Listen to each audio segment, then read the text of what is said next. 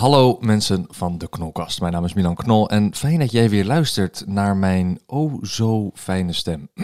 dat zeg ik wel van mezelf, maar ik vind gewoon dat ik een stem heb, net zoals dat ieder andere een stem heeft. Maar toch, eh, fijn dat je luistert, fijn dat je er bent eh, op iTunes, op Spotify, waar je ook eh, luistert. In de auto, hardlopend, in de vrachtwagen of misschien zelfs tijdens een gamepie. Dat zou zomaar kunnen. Ehm, ik heb vandaag een, eh, een leuke podcast eh, met een eh, gast die ik iets langer dan een half jaar ken. En het gaat iets meer over het ondernemen, het managen. Eigenlijk een beetje wat achter de schermen zich afspeelt. Dus mocht je dat interessant vinden, dan is dit de podcast voor jou. Ehm, laat ik gewoon meteen ehm, de gast maar even introduceren. Of eigenlijk moet je jezelf even intro- introduceren. Stel jezelf even voor in 30 seconden ongeveer. Hoe zie jij jezelf? Wie ben jij? Nou, dankjewel dat ik eh te gast mocht zijn. Ik eh, ga proberen jouw zoele stem te evenaren, maar... eh, Oeh. Gaan we nu een stembattle doen? Nee, mijn naam is Irvin Lumic. Ik ben oprichter van Empire Artist Agency. Wij vertegenwoordigen een breed scala aan talenten, waaronder dus jou. En ehm, dat doe ik eigenlijk nu drie jaar. Ik ben begonnen op mijn twintigste Ja, en nu zijn we drie jaar verder. dus je bent 23. Heb je, heb je een vader, moeder, zusje, broertje? Ja, ik heb eh, ja, vader en moeder. Ik ben verder de enige kind. Ehm, Opleiding, opleiding. school. Ja, ik was nooit zo goed met, eh, met school. Ik heb VMBO TL gedaan. Vervolgens eh, een beetje zoekende naar welke ROC-opleiding. Toen heb ik theater gedaan. En daarna ben ik doorgegaan met een HBO-rechtenstudie. Ja. Die heb ik nooit helemaal afgemaakt. Nee, want, eh, want hoe oud was je toen je die HBO-rechtenstudie deed? Want je doet nu... Ehm, je doet- Je doet wel iets wat ermee te maken heeft. zeker. Ja, Ja. ja. Ja, rechten komen er zeker in voor. Ehm, ik was... Dat vraag ik gewoon puur omdat je op je 18 al begonnen was met Klopt. ondernemen. Ik was, ehm, ja, ja, ja. Nou, ik heb meerdere HBO-studies gedaan. Ik heb ook nog logistiek management gedaan en human resource management. Rechten heb ik eh, het langste gedaan van allemaal. Dus ik was denk ik 21, 21 Ja, toen ik de rechtenstudie deed. En eh, ben daarna vorig jaar nog gestopt. oké. De- De reden waarom ik jou uitnodig is één natuurlijk omdat je, je, doet, je managt heel veel voor mij. Eh, heel veel deals, eh, heel veel eh, sponsor, meuk, eh, weet ik het allemaal, alles, alles bij elkaar. Ehm, maar ook als er dingen er georganiseerd of geregeld moeten worden, ehm, dan, dan eh, weet ik ook dat ik jou altijd kan bellen of kan appen. Ja. Ehm, maar ook omdat ik de vraag kreeg van, ehm, eh, ik kreeg een- oprecht, ik kreeg een keer een DM van iemand op Instagram en die zei, eh, hoe eh, kan ik jouw man manager worden? en toen dacht ik, ja, dat is een hele goede vraag. Ja, goede vraag. Geen idee. Dus eigenlijk voor mij is de hoofdvraag, en ook waar ik een beetje achter wil komen, hoe kom je in zo'n wereldje en zeg je ineens van, nu ben ik manager, punt. En kom je ook nog eens bij de artiesten of bij de influencers of wat, wat je ook wil aanspreken. Ja, Dit is een hele open, grote vraag, maar probeer hem te antwoorden. ik, eh, ik ga mijn best doen. Ehm, laat ik beginnen met het zeggen dat ik heb absoluut geen entertainment achtergrond. Dus ik ben niet geboren eh, in een huis waar we heel veel muziek of andere dingen omtrent entertainment doen. Dus ik heb het heel erg zelf ontdekt.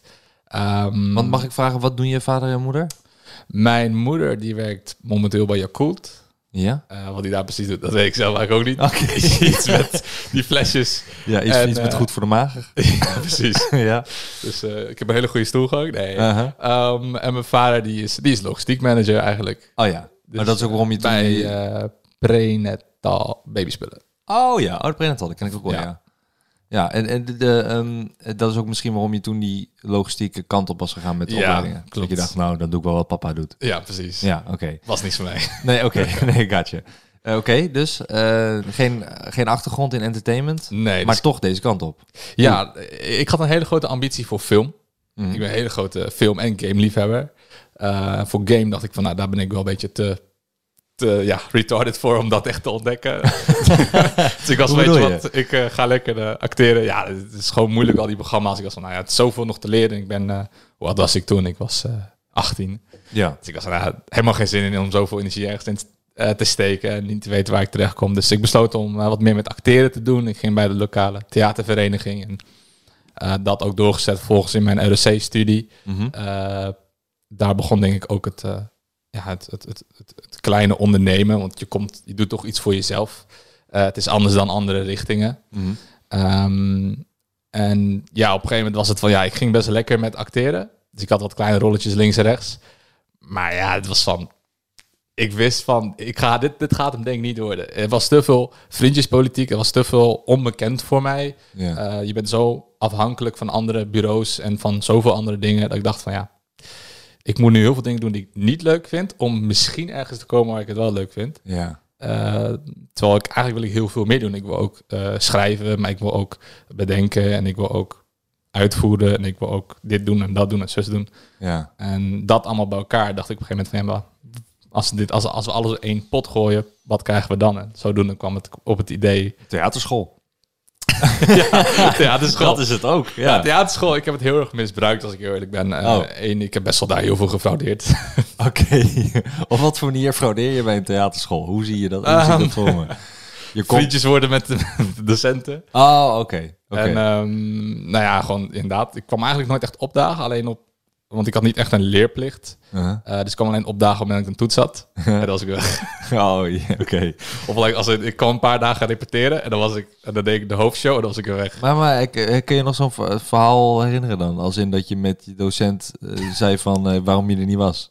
Was dat omdat je dan slachtoffer was geworden van, van een slagboom? Of, of wat was? Nee, nee, nee. Kijk, zoals ik zei, kijk, ik, ik was toen al bezig met ondernemers. Ik was al bezig met, kijk, theaterschool gaat me niet geven wat ik nodig heb. School gaat mij niet eh, het netwerk geven wat ik nodig heb om verder te komen. Ja. Dus ik ging heel erg buiten school heel veel andere dingen doen, heel veel projecten oppakken. ja, maar ik bedoel, wat gebruikt hij? Ik, ik, Oh, qua specifiek, ja, wat gebruikt hij als excuus? Of zei je van, ah joh, eh, meneer eh, Piet, hè? Ik was, eh, Mijn probleem is dat ik ben heel eerlijk. Uh-huh. Dus ik heb gewoon eerlijk tegen hun gezegd, kijk, al- als, als het een bepaald vak was, zei ik van, kijk, jij leert me nu een e-mail opstellen, terwijl ik ben al ver in onderhandelingsfases. Als in, ik ben voorbij de e-mailfase en je leert me nu hoe een- begin, midden, kern is, of een begin, midden, eind is. Ja. Het is niet interessant voor mij, dus ik kan hier wel zitten en niks doen, of je kan me gewoon de kans geven om mezelf te ontwikkelen.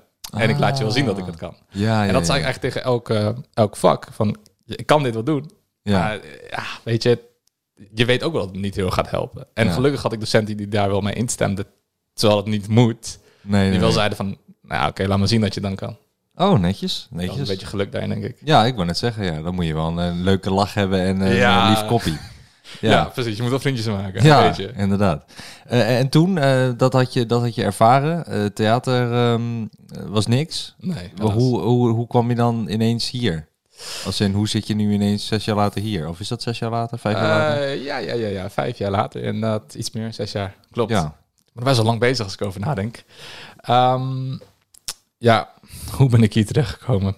Ja, Zo als in, hoe, hoe je, je, oké, je, je, ja, waarschijnlijk is er zoveel gebeurd en zoveel verschillende Ja. dingen gedaan, maar op een gegeven moment ben je dan 21, start je een, eh, eh, zeg je van, nou, ik ga nu een eh, agency starten, Ehm, eh, een agentschap, als we het in het Nederlands noemen, maar dat Ja. klinkt zo raar. Dat klinkt alsof, Ja, je bij de overheid werkt, een agentschap. ik ben niet zo fan van het woord agentschap of agent. Mhm. Omdat een agency, terwijl het wel in mijn naam zit, maar dat kwam gewoon toen hier zo goed over na had gedacht. Oké, ja. Maar de agency wil zeggen dat je eigenlijk een heleboel mensen vertegenwoordigt. En je fixt een deal en je gaat verder. Ah, Dat is eigenlijk hoe ver een agent of een agency gaat. Dan praat ze ook vaak over een stal. Terwijl Ja. ik denk, ja, ik heb geen paarden, ik heb mensen. Oh, Ehm, ja, klopt inderdaad. Daarom noem ik het heel graag een management. Mhm. Eh, want ik vertegenwoordig echt van A tot Z. Dus als jij in de gevangenis komt, help ik je. Maar als we een deal hebben, doe ik het. En als je gaat verhuizen, help ik je. Dus ik probeer je echt helemaal te begeleiden in het... Ja. Als we Monopoly de- tegen elkaar spelen, dan help je me weer te winnen. ja. ik hoor de gevangenis, dus ik wil een free out jail precies. card. Dan geef ik je zo'n kaartje. Ja. Nee, ja, Chill. Ongeveer, ongeveer. Oké, chill. Ehm, dus dan start je dat bedrijf en eh, dan ben je helemaal blij. eh, KVK, je eerste bedrijf. En, eh, en dan? En dan zeg je van, nu heb ik een artiest. Of had je al een artiest? Ja, ik zou het oppakken vanaf maart 2018. Dat is wanneer ik ehm, besloot om Empire eh, te beginnen. Ik moet wel zeggen dat ik heb pas een jaar later mijn KVK... eh, la- je hebt pas een jaar later mezelf ingeschreven. Omdat ik begon met nul kennis. Als in, ik wist niet eens wat een KVK was tegen die tijd. Ah, ja. Ik wist niks. Dus Mhm. eh, ik had natuurlijk een beetje ervaring met theater, maar dat zijn alleen maar scripts. En dat is het wel. Dus het was, een- het was een totaal nieuwe, nieuwe wereld. Ehm, Nou, even voor de luisteraar, KVK, Kamer van Koophandel. Kamer van Koophandel. Waar je een bedrijf start. ja. en dan... eh, You never know. Kan je facturen sturen en krijg je legit betaald in plaats van... Moet je ineens belasting betalen. Daar komt het op neer. Precies. dat wat ze willen. ja. Ehm, dus hoe, hoe, ik het zie is, je hebt het, int- het interne en het externe gedeelte van mijn levensloop. Als in het externe gedeelte zijn alle ehm, acties die me tot dit punt hebben, eh, ja, waardoor ik tot dit punt ben gekomen. Mhm. Ehm, voor mij had Johan Cruijff een uitspraak eh, die ik tegen jou ooit zei. Oh, dat weet ik niet. Was vaak, ehm, als er iets gebeurt, moet er iets gebeuren. Mm.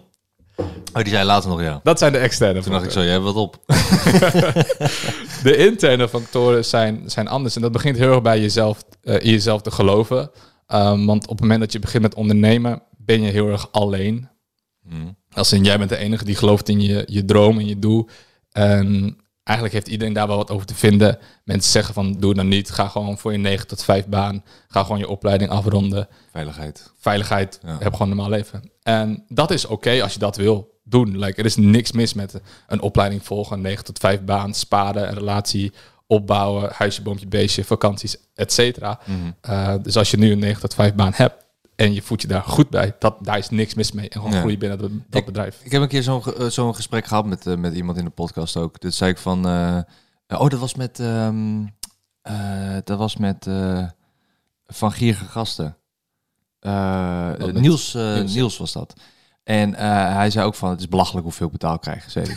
hij zegt, het slaat nergens op. Voor wat Ja. ik moet doen, dat slaat nergens op. En, iemand anders die is stratenmaker en die zou hetzelfde moeten verdienen. Want die, dat, dat zijn de straten waar ik op loop. Ja. En toen zei ik van ja, maar iedereen, ehm, en daar sta ik heel erg achter, iedereen heeft zijn eigen doel in het leven. En mijn doel is entertainen. Jouw doel is misschien om te managen. Eh, iemand anders het doel is weer om, weet ik veel wat te doen. Weet je, dus Ja. dat, ja, dat begrijp ik. Dat is compleet logisch. Ik denk dat iedereen die luistert denkt van, ja, nou, iedereen heeft zo zijn eigen doel. Ja, precies. Maar eh, toen ik 18 of 20 was, dat- had ik het gevoel van. Ik, like, ik had een zo'n. Je wordt beïnvloed van. Je, ga voor jezelf beginnen. Wees CEO. Mm. Heb het leven in de hand. Ga heel veel reizen. En je hebt al die bucketlist dingen. Ja. Terwijl ik denk. Maar dat is niet. Gelijk, ga feesten. Ik was van. Dat, dat hoef ik niet. Dat, dat interesseert mij niet. Like, ze zeggen wel, ga, ga leven, ga feesten, ga drinken. Dat is een beetje hoe like, de media je beïnvloedt, denk ik, door de programma's en door wat vrienden wel of niet zeggen. En dus ik was heel erg met mijn in de knoop met mezelf van, wil ik nou gewoon like, normaal of wil ik anders zijn? Terwijl, ja, allebei is eigenlijk wel gewoon wat Normaal, je wil. ja. Normaal. En je bent Ehm, normaal als je jezelf bent. Maar ik snap wat je Precies. bedoelt. Beïnvloedbaar. Eh, Sowieso op een, eh, de- de leeftijd 16 tot 21 ben je meer beïnvloedbaar met dingen dan als Ja. je wat ouder bent. Ja, en ook like, films like Wolf of Wall Street. Ik denk als je dat kijkt, dan Oh ja. denk je gelijk van, ik ga ja. dropshipping of ik ga iets anders doen. Like, ik ga geld verdienen. Dat woord wil ik hier niet horen. oh god, woord woord. Dropshipping, yes. Maar kijk, kijk, je kan doorslaan daarin. En, en, en voor mij was dat heel erg het... Dat was eerst voor mij het, ehm, het bedenken van... Het is oké om dat te doen, Mm. maar ik wil dit doen. Bewust omdat ik dat heel erg een drang naar heb. Eh, het is iets wat ik heel moeilijk vind te beschrijven, maar het was heel erg van... Een 9 tot 5 baan is chill, maar like, als je gaat ondernemen, werk je 24 Like, je bent niet echt vrij. Ja. Juist meer een slaaf van jezelf. Mm. Ehm, en, en daar ging ik wel mee akkoord. Ik was van, fijn, ik wil dit voor mezelf doen. En, en ik wil niet ehm, bij een ander bedrijf werken als management. Puur omdat ik vind dat heel veel managementbedrijven het gewoon niet goed doen. Of niet transparant genoeg zijn. Of niet eh, de stijl hanteren die ik eh, vind dat je moet doen. Mhm. Ehm, dus maar hoe, hoe wist je dat dan? En dat, dan kom ik even Tuurlijk. eh, recht eh, naar binnen, hoe noem je dat? eh, recht door zee. Hoe, Ja. hoe wist je dat? Dus Hoe wist je dat hun dat slecht deden? Of voor jou dan? ja, dus ik zat al in de, in de acteerindustrie. Dus ik had al wat mensen die ik ken, die, zat ook in, die acteerden ook. Mhm. Ehm, en van hun hoorde ik natuurlijk veel verhalen. Ja. Ik had zelf ook een hele korte tijd een agent waarvan ik dacht, wat doe jij nou eigenlijk precies voor mij? Ja. Ehm, dus heel, als je heel veel verhalen hoort, en natuurlijk er zijn niet heel veel goede verhalen over management in eh of management en entertainment industrie. Je hoort heel vaak van ja, mijn manager heeft dit gedaan of dat gedaan. Of die Ja. heeft mij dit gedaan, aangedaan. te veel percentage. Te veel percentages. En, eh, dus ik had al heel erg een, een mening gevormd voordat ik überhaupt echt diep in de industrie zat. Van Mhm. als ik kijk naar en like de big management, die spec en zo, like dat, daar kom ik toch niet. Dus ik was van, nou, ik heb geen nul ervaring. Oh, je bedoelt, daar kom ik toch niet om te werken, bedoel je? Ja, bijvoorbeeld. Ah, ja, ja, ja, Dus ik ja. was van, ja, waarom zou ik? Dus ik dacht van, ik begin gewoon vanaf nul. Ja. Ja. In plaats van ergens anders. Ehm, En toen je eerste artiest kwam binnenlopen of zo? Of je was het maar zo. gebeld? of heb je wat... Want hoe... Want dat is een beetje ook... Dat is de, die hoofdvraag natuurlijk nog steeds. Je hebt nu een, eh, een paar mensen waar je voor managt. ja. En eh, wat, ja, hoe, hoe bereik je het? DM je? Mail je? Oké. Zeg je, yo, eh, ik kan dingen voor je regelen? Of Ja, zo? ja, ja.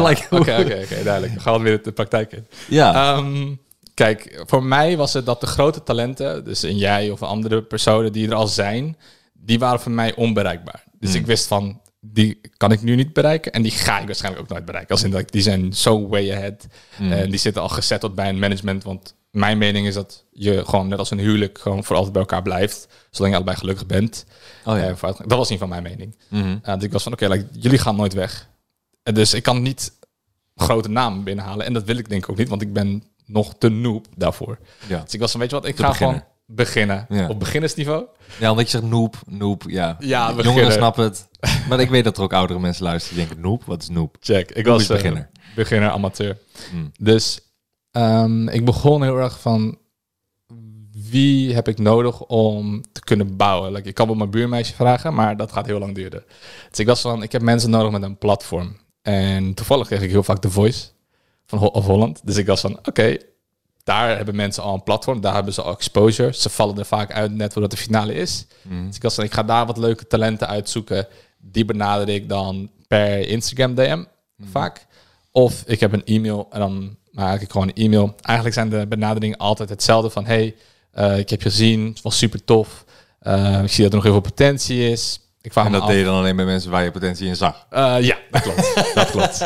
Of zat je eigenlijk letterlijk alles te mailen omdat je dacht van, ja, fuck, ik moet mijn eerste, e- mijn eerste artiest hebben. Dat kan hoor, ik bedoel, ja, Ja. Nou lo- ja, losse vlodders, eh, maar boeien. oké, ja.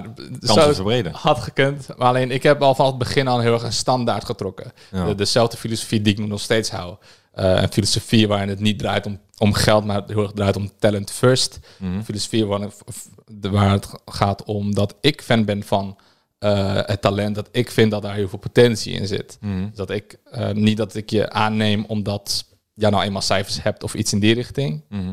Oh, Je kan ook potentie hebben en ik misschien niet mijn smaak is. Altijd zal ik ook niet managen. Like een operazangeres, superleuk. En die zal vast heel groot kunnen worden. Ja, maar- ik ga het niet oppakken. Snap ik, maar omdat in het begin, en dan probeer ik het even te, te vergelijken met hoe mijn begin ging, eh, dat er ook nog niks was en dat ik ook van nul moest beginnen met nul ervaring. Ehm, ik denk dat de meesten zo beginnen. Ehm, eh, toen waren er bedrijven die zeiden van, hey, we hebben hier een zak geld. En toen dacht ik van, ja, boeit mij dan nou welk bedrijf je bent. Je hebt een zak geld, pik. Ik kan mijn huur weer betalen en ik kan mijn boodschappen weer doen. Want dat Ja. was het enige namelijk waar ik mijn inkomen uit kreeg. Dus ik, ik, ik, ik kan het begrijpen als dat zeg maar zo was. En nou wil ik niet jou dat horen zeggen hoor. Van, zeg nou, dat, zeg nou wat het zo was. Nee, nee. Want dat weet ik niet. Maar ik- ehm, ik kan het begrijpen. Empire eh, heeft tot een jaar geleden, of denk ik iets meer, heeft mij niks opgeleverd. Ik heb, ik heb een fulltime baan gehad, Ja. terwijl ik Empire deed. Ah, Voor twee jaar. Like, ik was 9 tot 5 deed ik gewoon... Ik werkte bij de ABN AMRO of bij de Ziggo. Ja. eh, klantenservice of hier en daar. En dan in de avond was ik aan het grinden op Empire van 7 tot 1. En dat was een beetje mijn routine. 9 tot 5, reizen, eten. En dan naar Empire zitten, slapen. ja. Dat, dat was het. Ja. Eh, dus voor mij was op een gegeven moment was vrienden en was feesten. Alles was een beetje weg. Ik was gewoon obsessed met... Ik moet dit zien te slagen. Ja, ja. Ehm, voor mezelf, maar ook omdat eigenlijk iedereen omheen zei van... Doe dan niet, het gaat toch niks worden. Mm. Dus ik was van, oké, ik had een bepaald vuur in me. Ehm, maar ik had wel altijd die standaarden van, oké, ik wil dat doen, maar wel op mijn manier. ja. Dus ik was niet iedereen los en vast aan het mailen. Ehm, ik, was wel, eh, ik was wel wat kieskeuriger. Niet te kieskeurig, maar ik was wel kieskeurig. Ja, maar was je dan plannen, was je dan zeg maar in die tijd plannen aan het schrijven van hoe ga ik het uitbreiden als ik het eenmaal heb? Of hoe ga ik een bedrijf benaderen? Of hoe moet ik dat zien? Want ik bedoel, als je een mailtje stuurt naar een, een nieuwe talent, Mhm. Ehm, nou ja, laten we zeggen dat je, je bent onervaren, dus je bent net begonnen. Eh, even eh, rewind naar toen je 21 was, Ja. of 20. En ehm, dan maak je een mailtje, dat duurt een half uur, maybe. Ja, Drie klopt. kwartier, maybe. Eh, omdat je dus onervaren bent en alles nerveus en zenuwachtig Ja. of whatever. En dan, de rest van de zes uur op die avond, of vijf uur op die avond. Weet je wel, wat doe je dan? Is dan nog een mailtje schrijven? Of- Ah, ik kan nooit stoppen met e-mails. Maar ehm, ja, klopt. Dus op het moment, stel ik, ik, ik benader iemand en dat is een, een artiest, een muzikaal persoon. Ehm, ik heb nooit plannen voor Empire. Dus ik weet niet waar Empire is over vijf jaar. Voor mij is alles talent first. Dus als ik een talent, laten we even een fictief persoon pakken. Pieter. Ja. Ehm, ik ga Pieter managen en Pieter is een, een muzikant. Dan maak ik een businessplan voor Pieter. Dat is het eerste wat ik doe. Dus ik Ja. kijk van wat zijn zijn weaknesses, strengths. Gewoon een SWOT-analyse, marktanalyse, concurrentieanalyse, een businessplan. Ja. Ehm, gebaseerd daarop kom je al alle ehm, dingen tegen die je, komt die je moet gaan tackelen. Dus zoals eh, hij is een muzikant, zij gaan muziek uitbrengen. Dat hebben we te maken met rechten. Want er zijn auteursrechten, naburige rechten, ehm, heel veel rechten. Ja, ja. Ik ga er niet over beginnen. Ja. Maar oké, dus ik weet van, oké, daar moet ik me in gaan verdiepen, want ik moet weten hoe dat eruit ziet. Vervolgens, als hij muziek maakt met mensen, moeten we dat, ja, moeten we daar een akkoord op vinden. Dus we moeten een overeenkomst opstellen. ja. Nou, hoe werkt zo'n overeenkomst? Dan ga je op Google. ehm, wat Hoe maak het? ik een overeenkomst? Hoe maak ik een overeenkomst? Music templates, eh, iets in die richting. Ja. Ehm, Ja, zo leer je het jezelf aan. het is wel heel veel vallen en opstaan. Ja, op die manier. Ehm, Ja. Maar zo ben ik weer begonnen. Ook met, oké, ik ga muziek, hij gaat muziek maken, hij gaat muziek uitbrengen. Oké, hoe, hoe werkt marketing? Hoe werkt marketing in 2019? Hoe werkt marketing in 2020? Ja. Marketing verandert continu, want toen was er bijvoorbeeld nog niet echt, toen was er nog geen TikTok bijvoorbeeld. Mm. Ehm, en toen waren we nog allemaal heel erg op Facebook advertenties van hoe werkt dat nou precies? Terwijl dat misschien tegenwoordig wat minder wordt gepusht. Ja. Ehm, dus het was heel erg dat businessplan maken en dan precies kijken wat raakt deze artiest allemaal aan. Rechten, marketing, ehm, contracten, eh, ja, van alles, ja, sessies opstellen van hoe, wat is een juist de key? Want ik probeerde ook juist creatief mee te denken, wat ik heel erg leuk vind. Ja. Ehm, dus zit hij op toon? Wat is, zullen we een bas gebruiken of een gitaar of een piano? En welke key spelen we dan? Ja. Dus ook dat weet je, van daar moet je kennis over hebben. Ehm, en zo creëer je een 360 graden profiel om die artiest heen. Uh-huh. eh, waarin ik vind dat een artist manager niet per se daar alles van hoeft, af hoeft te weten, maar wel alles van iets van af weet. Ja. Eh, dus ik weet heel veel bijvoorbeeld over camera's, maar ik ben geen cameraman. Dus ik Aha. weet al wat het verschil is tussen een 50 mm lens of een 85 mm lens of een Dat weet ik niet eens. sluitersnelheid. Oké. Ik heb niet eens een idee daarvan. Ik, ik laat altijd iemand komen en die, die zeg ik van, wat moet ik nu hebben, zeg ik dan. ja. En dan zegt hij, wat wil je? Dan zeg ik, nou, gewoon dit en dit. En dan heb ik wat voorbeelden. En zegt hij, oh, dan moet je zoveel millimeter dit en dan dat. Oh, Dan zeg ik, oké, cool, koop ik dat. Ik heb echt nul verstand van camera's. Ja, dat en ik ben dan weet ik voor hoe lang influencer. Ja, nou, Ik, wa- ik was van, ik wil 360 graden gedekt zijn. Dus als jij naar mij toe komt met een vraag, kan ik je daarin helpen. Of als ik eh, spreek met mensen uit dat vakgebied, dat ik ook in vaktaal met hun kan praten. Oh ja, ja. Dus voor mij was kennis heel erg belangrijk. Want kennis is, is uiteindelijk macht. Als je heel veel weet, eh, ben je best wel een machtig persoon. Eh, als in dat je met die artiest dan praat en dat die artiest denkt, hé, hey, hij weet het gewoon. Of bedoel je als in van, nee, je weet gewoon zoveel over het vak wat die persoon uitvoert, dat je een, een eh, voorsprong hebt op de rest. Of voorsprong Ehm, hebt op de andere agencies. Kijk, beide. Kijk, ik, ik wil niet afhankelijk zijn van andere personen qua kennis. Ik wil eigenlijk zoveel mogelijk zelf weten als dat ik kan, of tot Hmm. Ja. hoever ik kan. Ehm, dus één, ja, het is zeker de, de- het talent, het vertrouwen geven van, oké, je bent in goede handen bij mij. Ja. Ehm, want uiteindelijk, hoe ik het zie, is jij vertrouwt jouw leven aan mij toe. Als in, jij zegt, jij bent mijn manager, jij bent verantwoordelijk voor mijn succes. Het is niet zo zwart of wit, maar zo voel ik het wel. Oké, ja, Dus- ik zie alleen financieel succes. Hoe bedoel je? Extra financieel succes. Nou, dat is wat een manager voor mij qua meerwaarde is. Het is- Ja, maar jij bent al heel groot. ja oké, ja, misschien is het voor mij, ja, voor beginnenden is het anders. ja, misschien wel. Ja. Maar wij zijn nog maar in het beginnend niveau, Milan. ja Kom ik, zo meteen ik, bij kan jou, ik heb toen geen manager gehad en ik altijd zelf. Dus vandaar Ja, dat dat ik zit van, We zijn daar niet heel erg in anders. Jij wil ook gewoon alles zelf doen en Ja. leren en weten. ja, ja. Ja, ik kan mijn eigen contract wel maken, maar ik ben gewoon te lui ervoor. Precies. Ja, outsourced Ja. het gewoon. ja, En dat is ook heel goed. En daar kom ik zo meteen wel in als we wat bij de gevorderde niveau zijn. Maar op beginnersniveau was dat heel erg mijn, mijn basis. Dus ik neem bijvoorbeeld een muzikant en dan een businessplan en dan raak je alle vlakken. Maar ook hoe kan die artiest bijvoorbeeld geld verdienen? Nou, optredens, muziek, merch. Like, maar ja, als je merch gaat verkopen, dan heb je fans nodig. Dan heb je al de vraag, maar hoe kom ik aan fans? Ja. Ehm, nou, en dan ga je dat onderzoeken van hoe... En dan kom je bij brandbuilding. Van oké, wat is brandbuilding? ja. Nou, dat heeft dus te maken met dat mensen zich kunnen associëren met wie jij bent als persoon, met jouw muziek. Mm. Oké, dan hoe maak ik muziek? Dat mensen zich mee kunnen associëren. Dus de hoe en de waarom vraag volgen zich altijd achter elkaar op. En dat is iets wat mij tot de dag van vandaag nog steeds gek maakt. Want alles wat ik doe is ook keer hoe, waarom, hoe, waarom. Ja, en zo blijf ik mezelf elke keer uitdagen. Je bent eigenlijk een, een, een peuter. Een peuter. Ja, die vragen ook altijd van... eh, niet daar aankomen, Pieter. Waarom? Ja, Hoezo? Hoezo? Omdat ik dat zeg. Ja, ja, maar waarom? ja, ja, eigenlijk wel. Voor mij is alles waarom en hoe. Ja. Eh, totdat, we totdat het een beetje stopt, maar uiteindelijk stopt het niet, want het is een cirkel. Uiteindelijk kom je weer elke keer weer terug op iets anders. Oké, dan hebben we die peuters niet. Nee, die houden op een gegeven moment op. ja, die denken dan, ah, het zal wel. Ja, precies. Dus eh, nee, nee, voor mij, ik moet echt achter de waarheid en achter eh, het plan terechtkomen. Want nogmaals, ik als artistmanager ben verantwoordelijk voor vooruitgang, vind ik. Ja, Ehm, en dus ik, ja, ik daarom mooi. is het mij ook belangrijk. dat vind ik mooi. En wat ik ook aan het begin deed, wat ik eigenlijk nog steeds doe, is... eh, men, het is heel erg eng om te beginnen met een onderneming, maar niet wat het is. eh, omdat het een compleet nieuwe wereld is. Dus door middel van een businessplan kan je heel erg ontdekken waar je allemaal aan moet gaan werken. Ehm, maar het enge is dat je weet niet wanneer het succes tussen haakjes komt of wanneer je van hobby je werk kan maken. Mhm. Ehm, want ze zeggen wel in die motivational talks van ja, geef het zes maanden en kijk dan waar je bent. En dat is een prima te- techniek om te doen en dat doe ik ook. Uh, maar de techniek die ik het meeste toepas is, ben ik beter dan gisteren. Als in werk ik harder ge- dan gisteren, heb ik iets meer geleerd dan gisteren. Mhm. Uh, dus ik ben altijd in de strijd met mezelf van gisteren.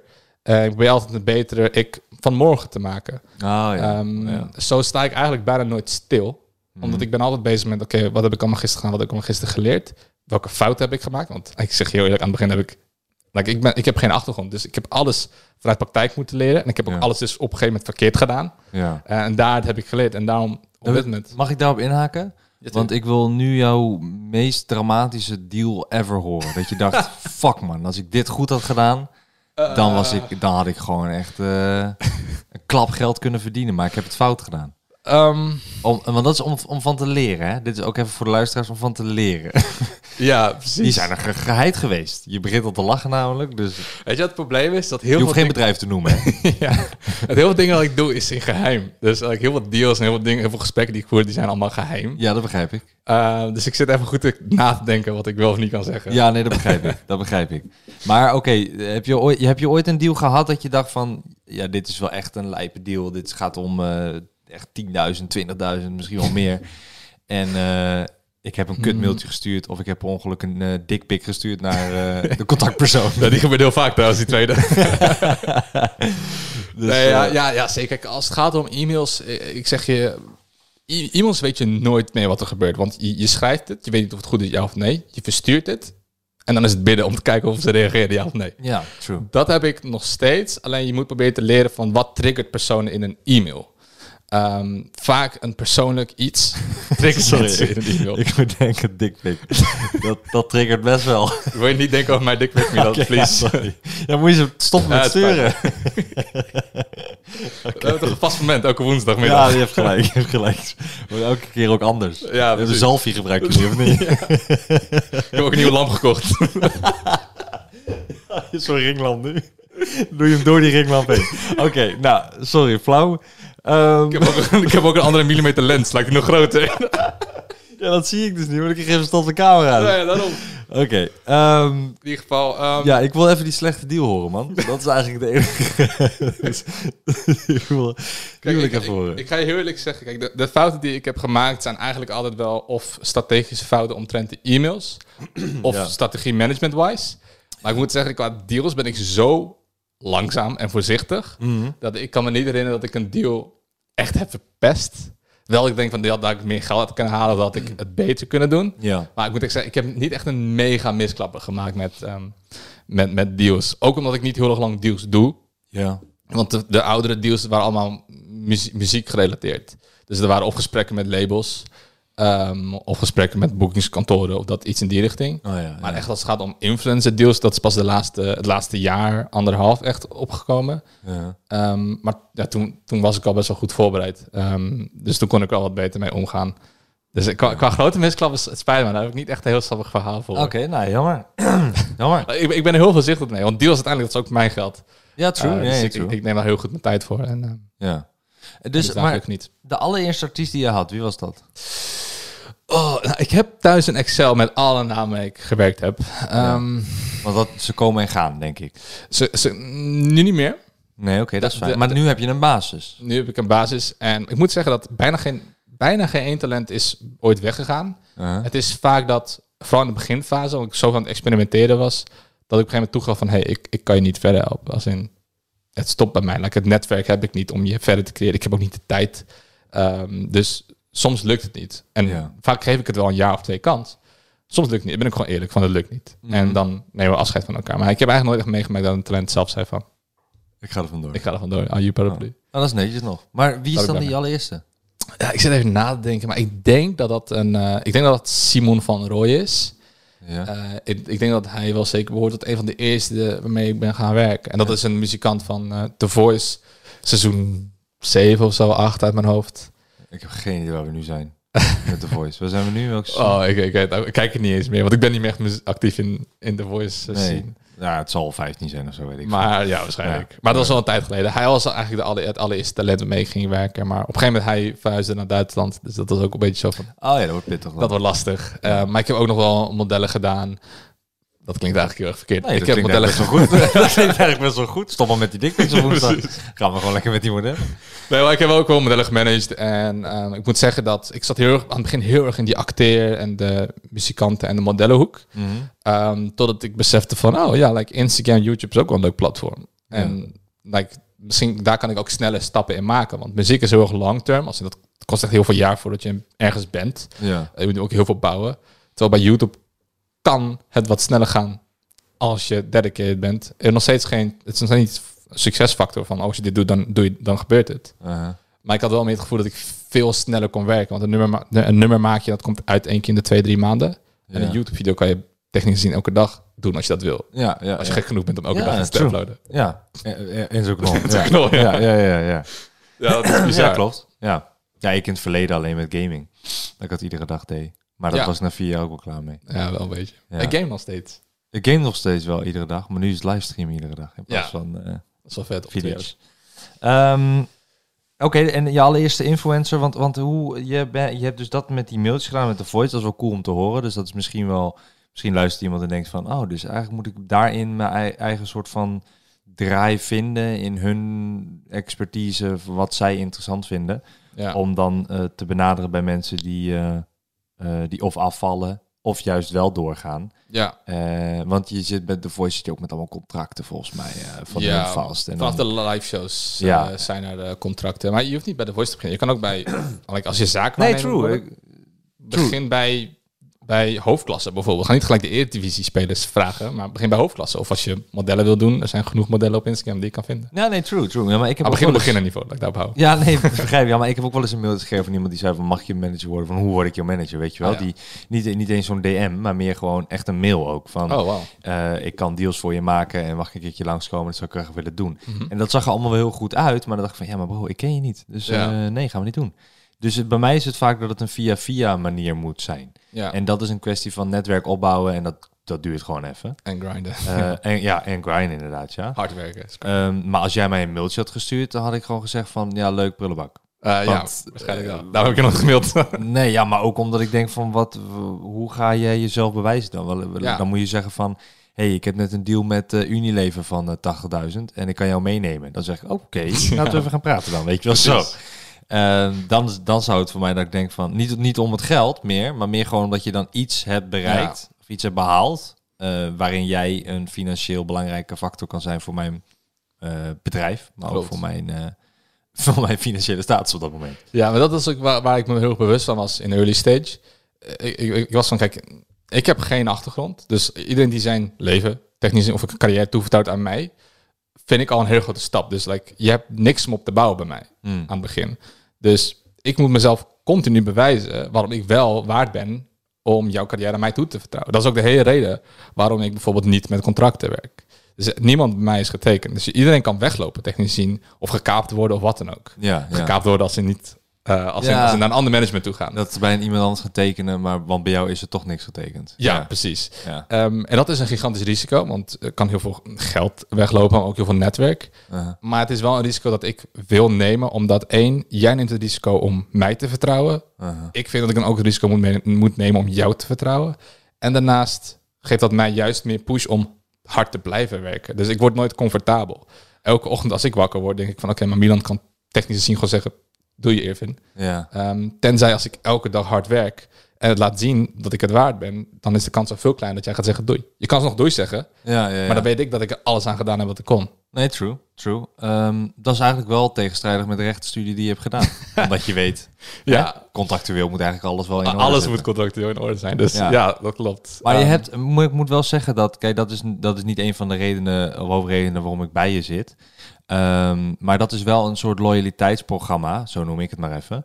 eh, die ik zelf ook had met mijn eh, eh, vrienden ehm, eh, op YouTube. Als ik Ja. kijk naar Jeremy Vriezer, ehm nou, Linktiger en Game Meneer. Dat waren de drie gasten waar ik echt heel veel mee opnam. En dan had je ook nog eh, Matti van Vivalosophy erbij en allemaal YouTube-mensen.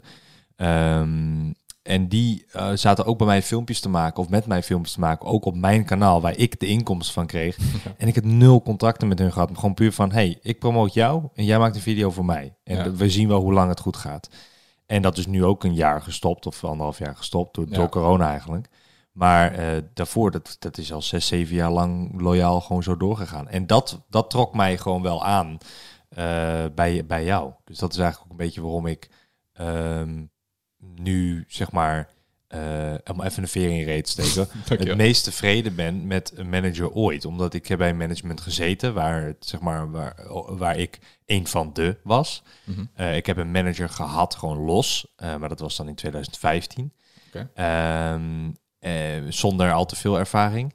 Ehm, en ik, beide was ik niet tevreden. En ik heb een, een keer het manager laten doen door mijn... ehm, eh, door een andere groep, zeg maar, die ook mijn eh, YouTube en ook mijn Instagram, en weet je wel, die dat ook Mhm. allemaal deden. Dus die eigenlijk het hele plaatje wilden doen. Ja. Wat nog meer, eh, nog minder controle voor mij gaf, waardoor ik Ja. nog meer zoiets had van, nou, wil ik niet. Ja. Ehm, dus en ik heb nu voor het eerst dat ik denk van, ja, ik, ik voel niet alleen een klik tussen ons, maar ook gewoon ehm, met het werk wat je, wat je verricht. Eh, en de eerlijkheid en de openheid met deals. Want je, Ja. jij stuurt vanuit je. Kijk, dat was, dat was het verschil ook. En dat, ik denk dat daar heel veel ehm, managers of eh artist manager, op wat, wat voor manier dan ook, in ieder geval in dat vak van managen, ehm, eh, dat je daarin zit. eh, dat jij uit jezelf eh, soms een mail stuurt hoe het mailverkeer is gegaan. Normaal vraag ik daar altijd om bij bedrijven. eh, of vraag ik daar altijd om bij mijn managers of, of, of management van. Maar hoe is dat dan gegaan? Ja. Ehm, hebben jullie gemaild? Of is dat, zij, hadden zij al gemaild naar mij toe?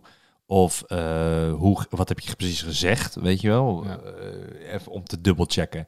En jij stuurt gewoon van: hé hey man, ja, ik heb dit en dit geregeld. Hier is de mail. En Ja. denk ik, ja, maar daar vroeg ik niet om.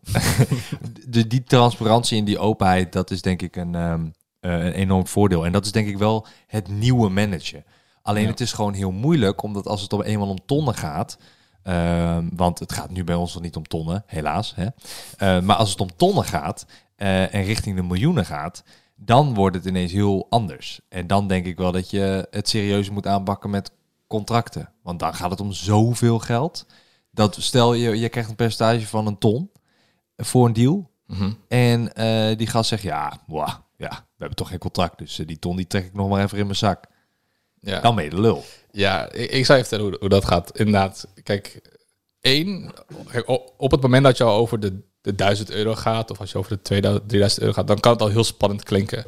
Ehm, belangrijk is dan dat je niet, je moet niet verleid worden door geld. Gelukkig, mij boeit geld niet. Ja. Als het is heel fijn dat ik geld heb, dus kan ik een huur betalen en eten betalen uiteindelijk. Maar geld maakt mij persoonlijk niks uit. Ehm, dus, maar het kan soms eng zijn op het moment dat het gaat om heel veel geld. Ja. Eh, dus da- daar moet je niet, niet in de val eh, treden. Nog even twee seconden. Ik zie een postbode. Oh, loopt hij nou weer weg? Verdomme. Ja, dat is echt vervelend. Ja, ik kan vanaf mijn podcastkamer eh, kan ik een hek zien. Dus ik zie altijd meteen of mensen binnenkomen lopen of niet. Ik zie een groot wit busje staan. Oh, die is nou weg. Oh, Oké, pakketje gemist. Nou, weet niet wat. Had je iets naar mij gestuurd? Nee, hè? Eh, ja, dikpik, maar nee. Nee, ja, ik weet niet. Misschien een van het bedrijf wat weer wat leuks opstuurt. Eh, ja, ja, er komt wel dingen aan, ja. Ja, verdomme, dat was hem. Dat was het. Nou, ik, ik mail ze meteen wel. Ja. sorry dat ik je verhaal onderbrak. Eh, geen dat probleem, niet de bedoeling.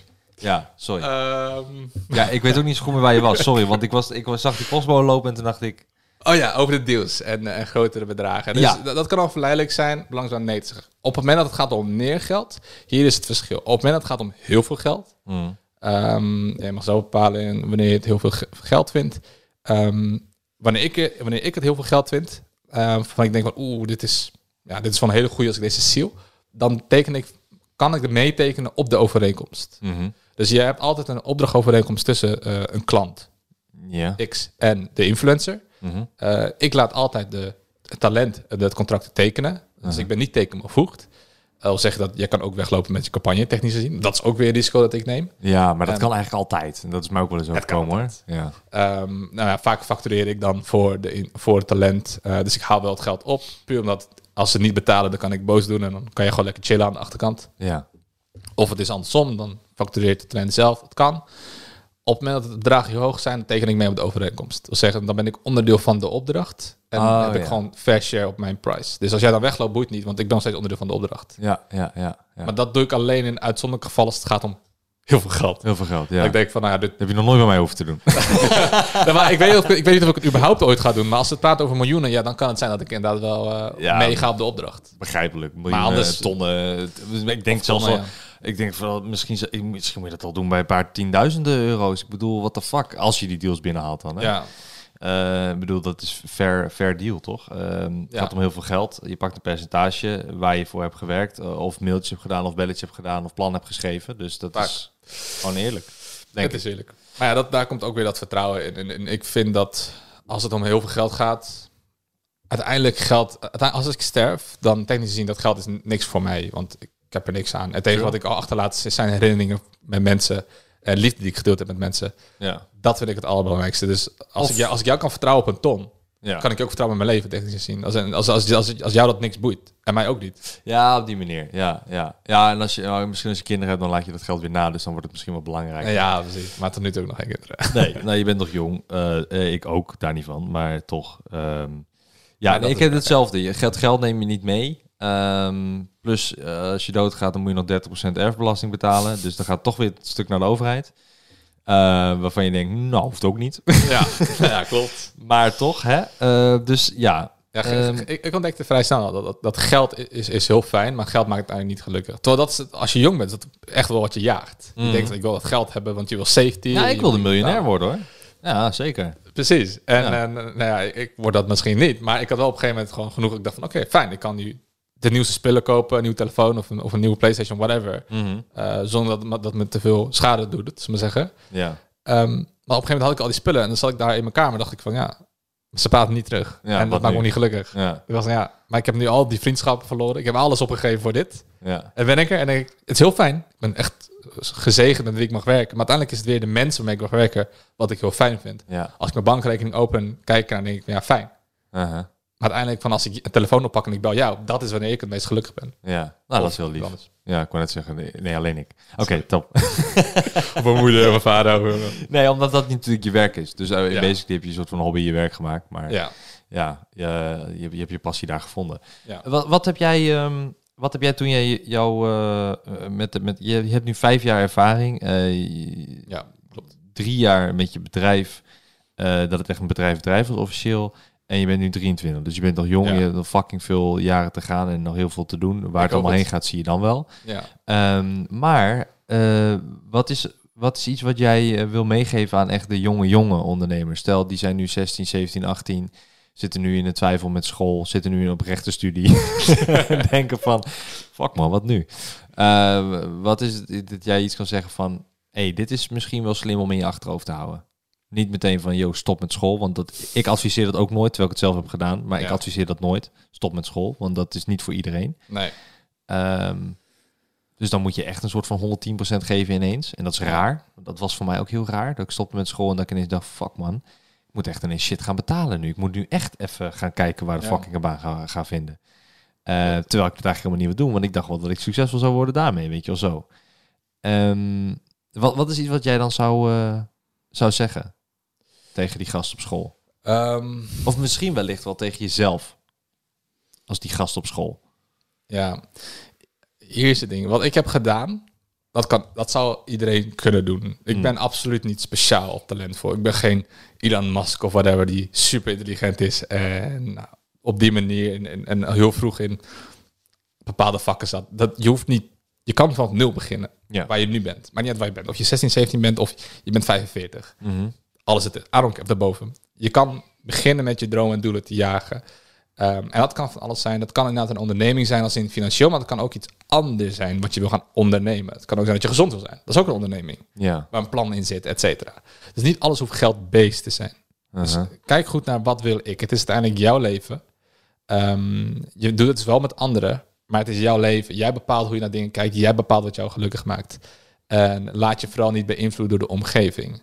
Ja. Ehm, neem het wel mee, maar laat het je niet beïnvloeden. Dat zeg je nu wel, maar dat is, dat is. Ik heb daar gisteren een video over gezien. Eh was een soort van onderzoekding of zo. Ik weet niet meer waar. YouTube. Ik was verdwaald. En toen zag ik een eh, video over ehm, dat mensen zich te veel laten beïnvloeden door. ehm, en het ging dan specifiek over likes op social media.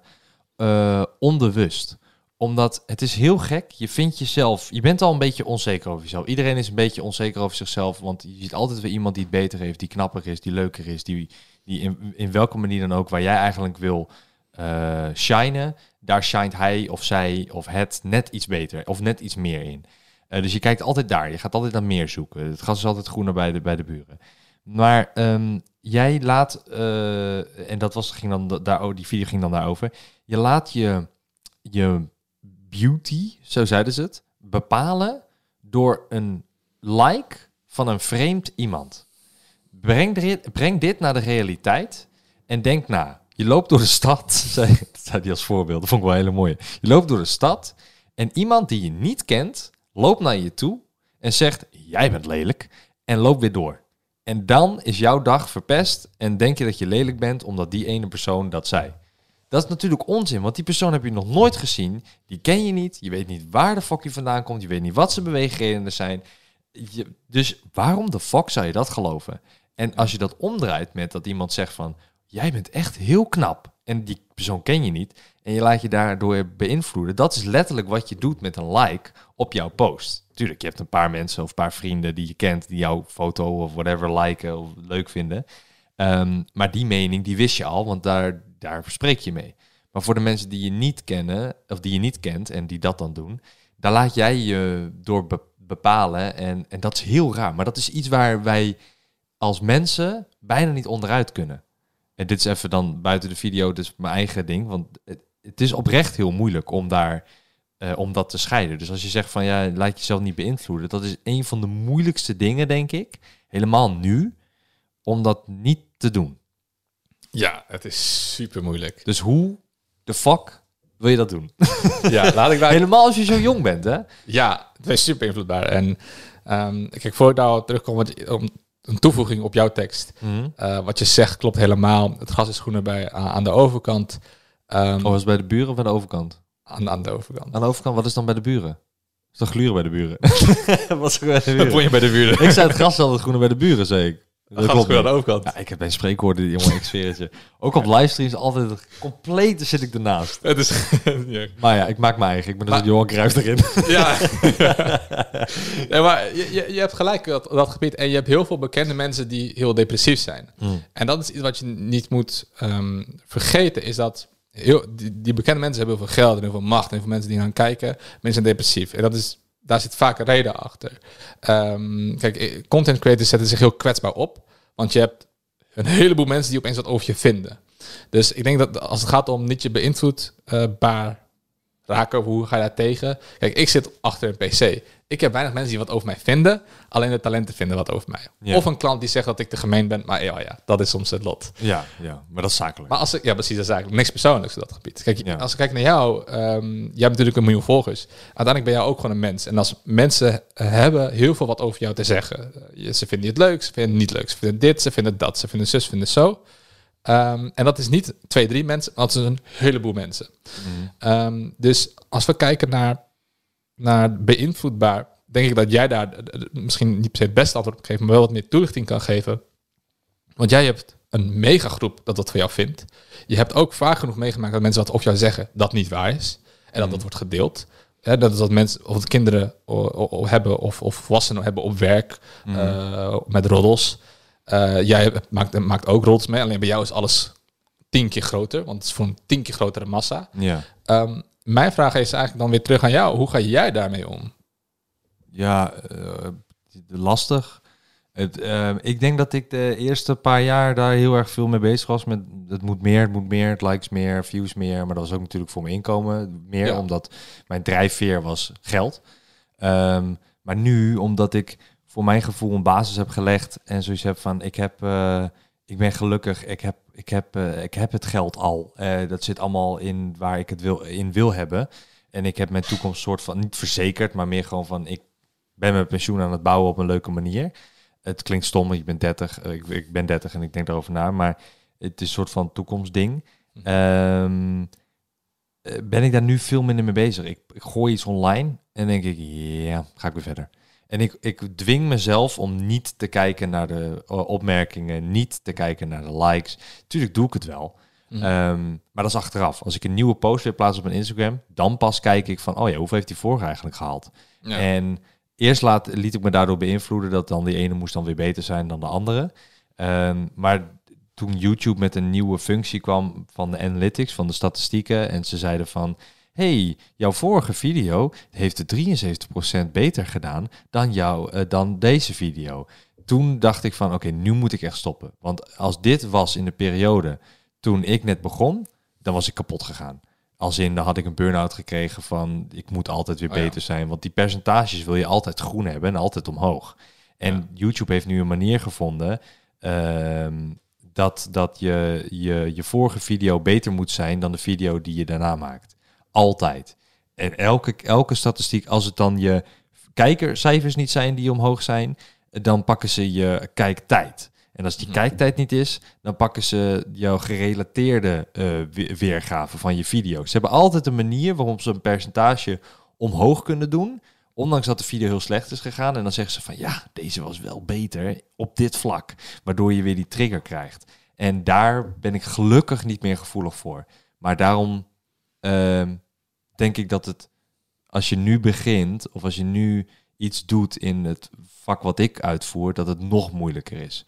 En hoe ik daarmee omga, ja, I don't know man. Ik heb het gewoon op een gegeven moment, ik denk dat dat drie jaar geleden was, vier jaar geleden was, dat ik gewoon dacht van, ik ga nu niet meer kijken hoor. Ik ben er helemaal klaar mee. Ik, ik, fuck it. Ik gooi gewoon online wat ik online wil gooien. En likes, het interesseert me allemaal niet. Maar ik betrap mijn vriendinnen nog wel eens erop hoor. Dat zij dan kijkt naar bijvoorbeeld die- een post van mij en dat ze dan zegt van, oh, deze heeft meer likes dan die ander. Ja. ja, dus. Ja, nee, ja, eh, ja, nou, dat valt op. Ik zeg, ja, dat, dat klopt, dat weet ik. Maar dat, omdat, voor haar is het natuurlijk helemaal niet, want zij komt niet uit de entertainment eh, business. Ja. Ze heeft niet eens social media. Maar ehm, dat speelt sowieso al bij iedereen in het hoofd. En ik denk dat het onmogelijk is om, eh, om, niet, eh, om het niet te doen. Nee. nee het, is, het is bijna onmogelijk om het niet te doen. Kijk, eh, het, het ding is ook dat als ik tegen jou zeg dat je knap bent, doe dat iets binnen.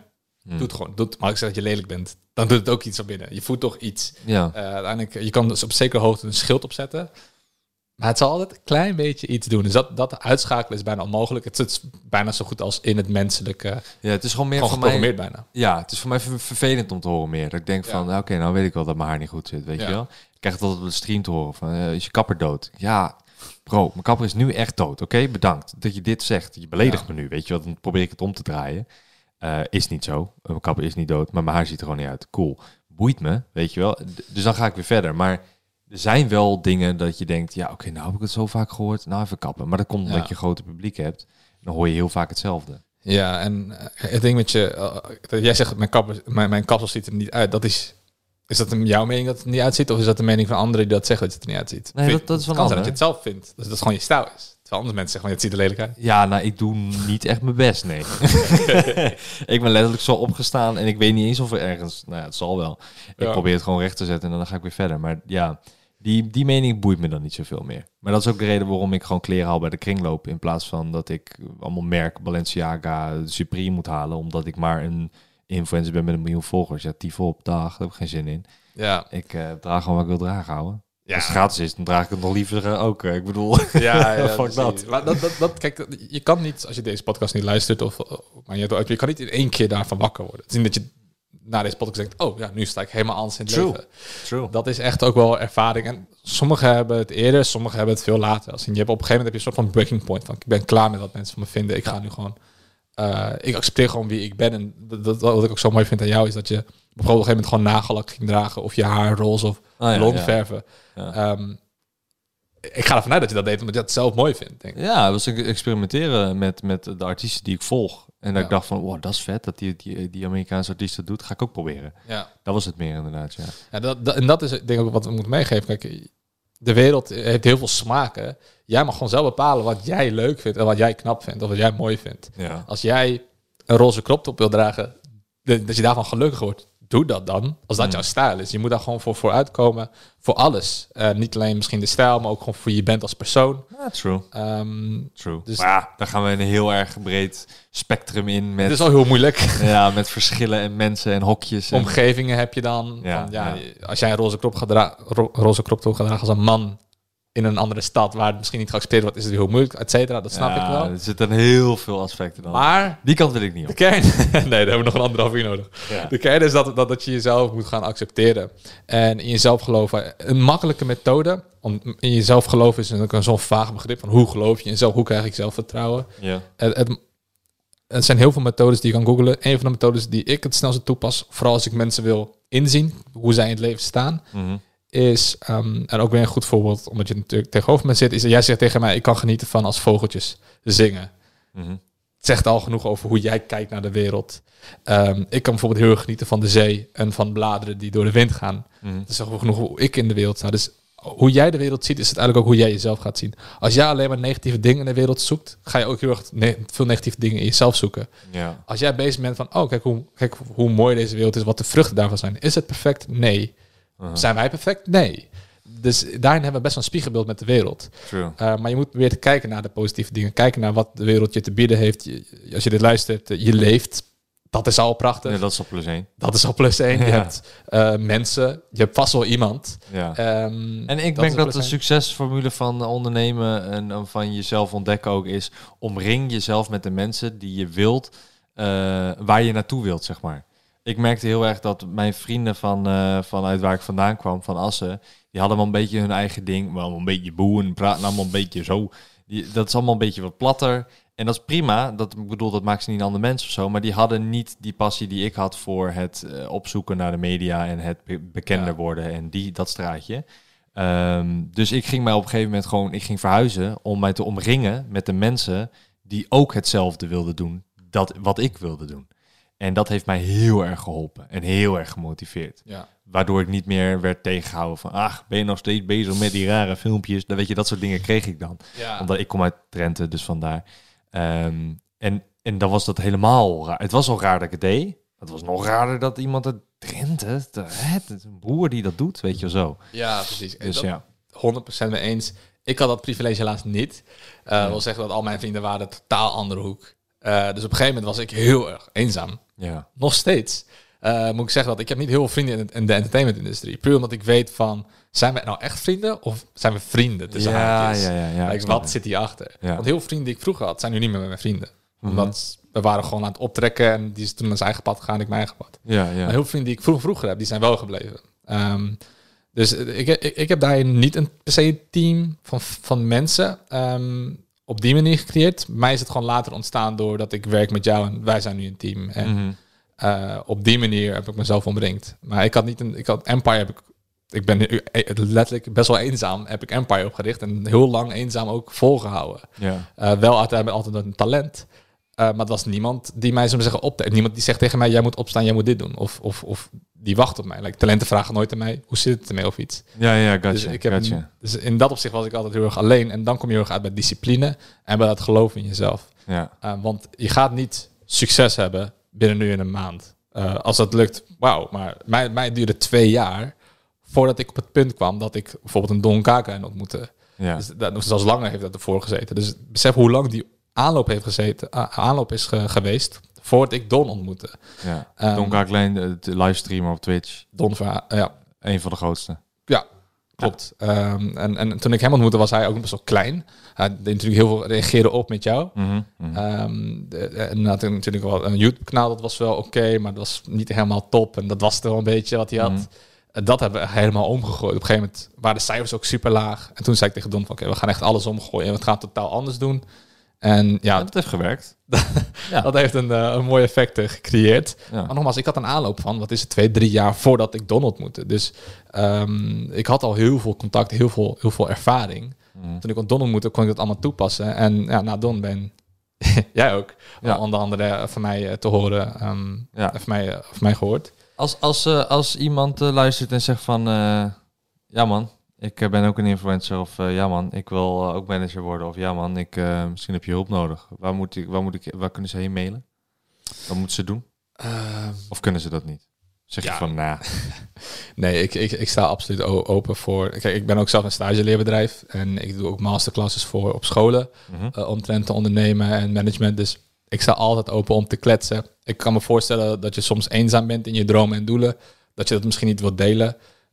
Ah, dat mag je altijd met mij delen. Je kan altijd mailen naar info@empireagency.nl. Mhm. Dan heb ik het op de mail of je mag me op een DM sturen op Instagram. Eh dat is gewoon mijn voor- en achternaam, Ervin Lumbic aan elkaar. Ja, Ervin Lumbic en L-U-M-B-I-C. Yes, dat klopt. Lumbic En de voornaam. I-R-V-I-N. Ja, Ehm Ervin. Ervin Lumic. Eh, da- daar mag je me altijd een eh, berichtje naar sturen.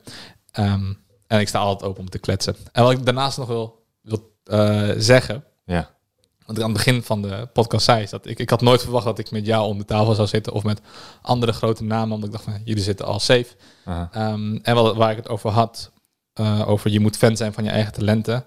Ehm, ik ben fan van al mijn talenten. Als ik, ik kijk alle content. En ik denk dat dat ook een heel belangrijk onderdeel is van ondernemen, maar ook van management. Is dat wat je doet, dat je het ook echt leuk vindt. Ja. Ehm, kijk, voor mij is het onwerkelijk om elke dag met jou te werken. Omdat ik ben net als de mensen die dit luisteren of die jouw video's kijken, gewoon een fan van jou. Nee, dat is Ehm, onzin. Van, eh, vanuit dagelijks HD al Aha. keek ik je al. Dus ik ben daardoor heen gegaan. Eh, dus in dat opzicht ben Het ik al- gamingkanaal wat ik had. Even voor, Ja. Ik doe even voor de luisteraar. Ja, ja, altijd nee, zeker, altijd zeker. als we nieuwe dingen horen, dan... eh, Ja, nee, ja, je begon met dagelijks HD en, Ja. en, en volgende dit is Milan en dan Milan Knol. Ehm, En ik heb de hele periode meegemaakt. Cool. Tot zelfs tot reageren op. Eh, alles tot op de bot gevolgd. Daar ben ik Don tegengekomen. Dat Ja. Van, oh ja, dat is wel heel vet. Ehm, en ik denk dat dat ook een heel belangrijk punt is voor dus toekomstige managers.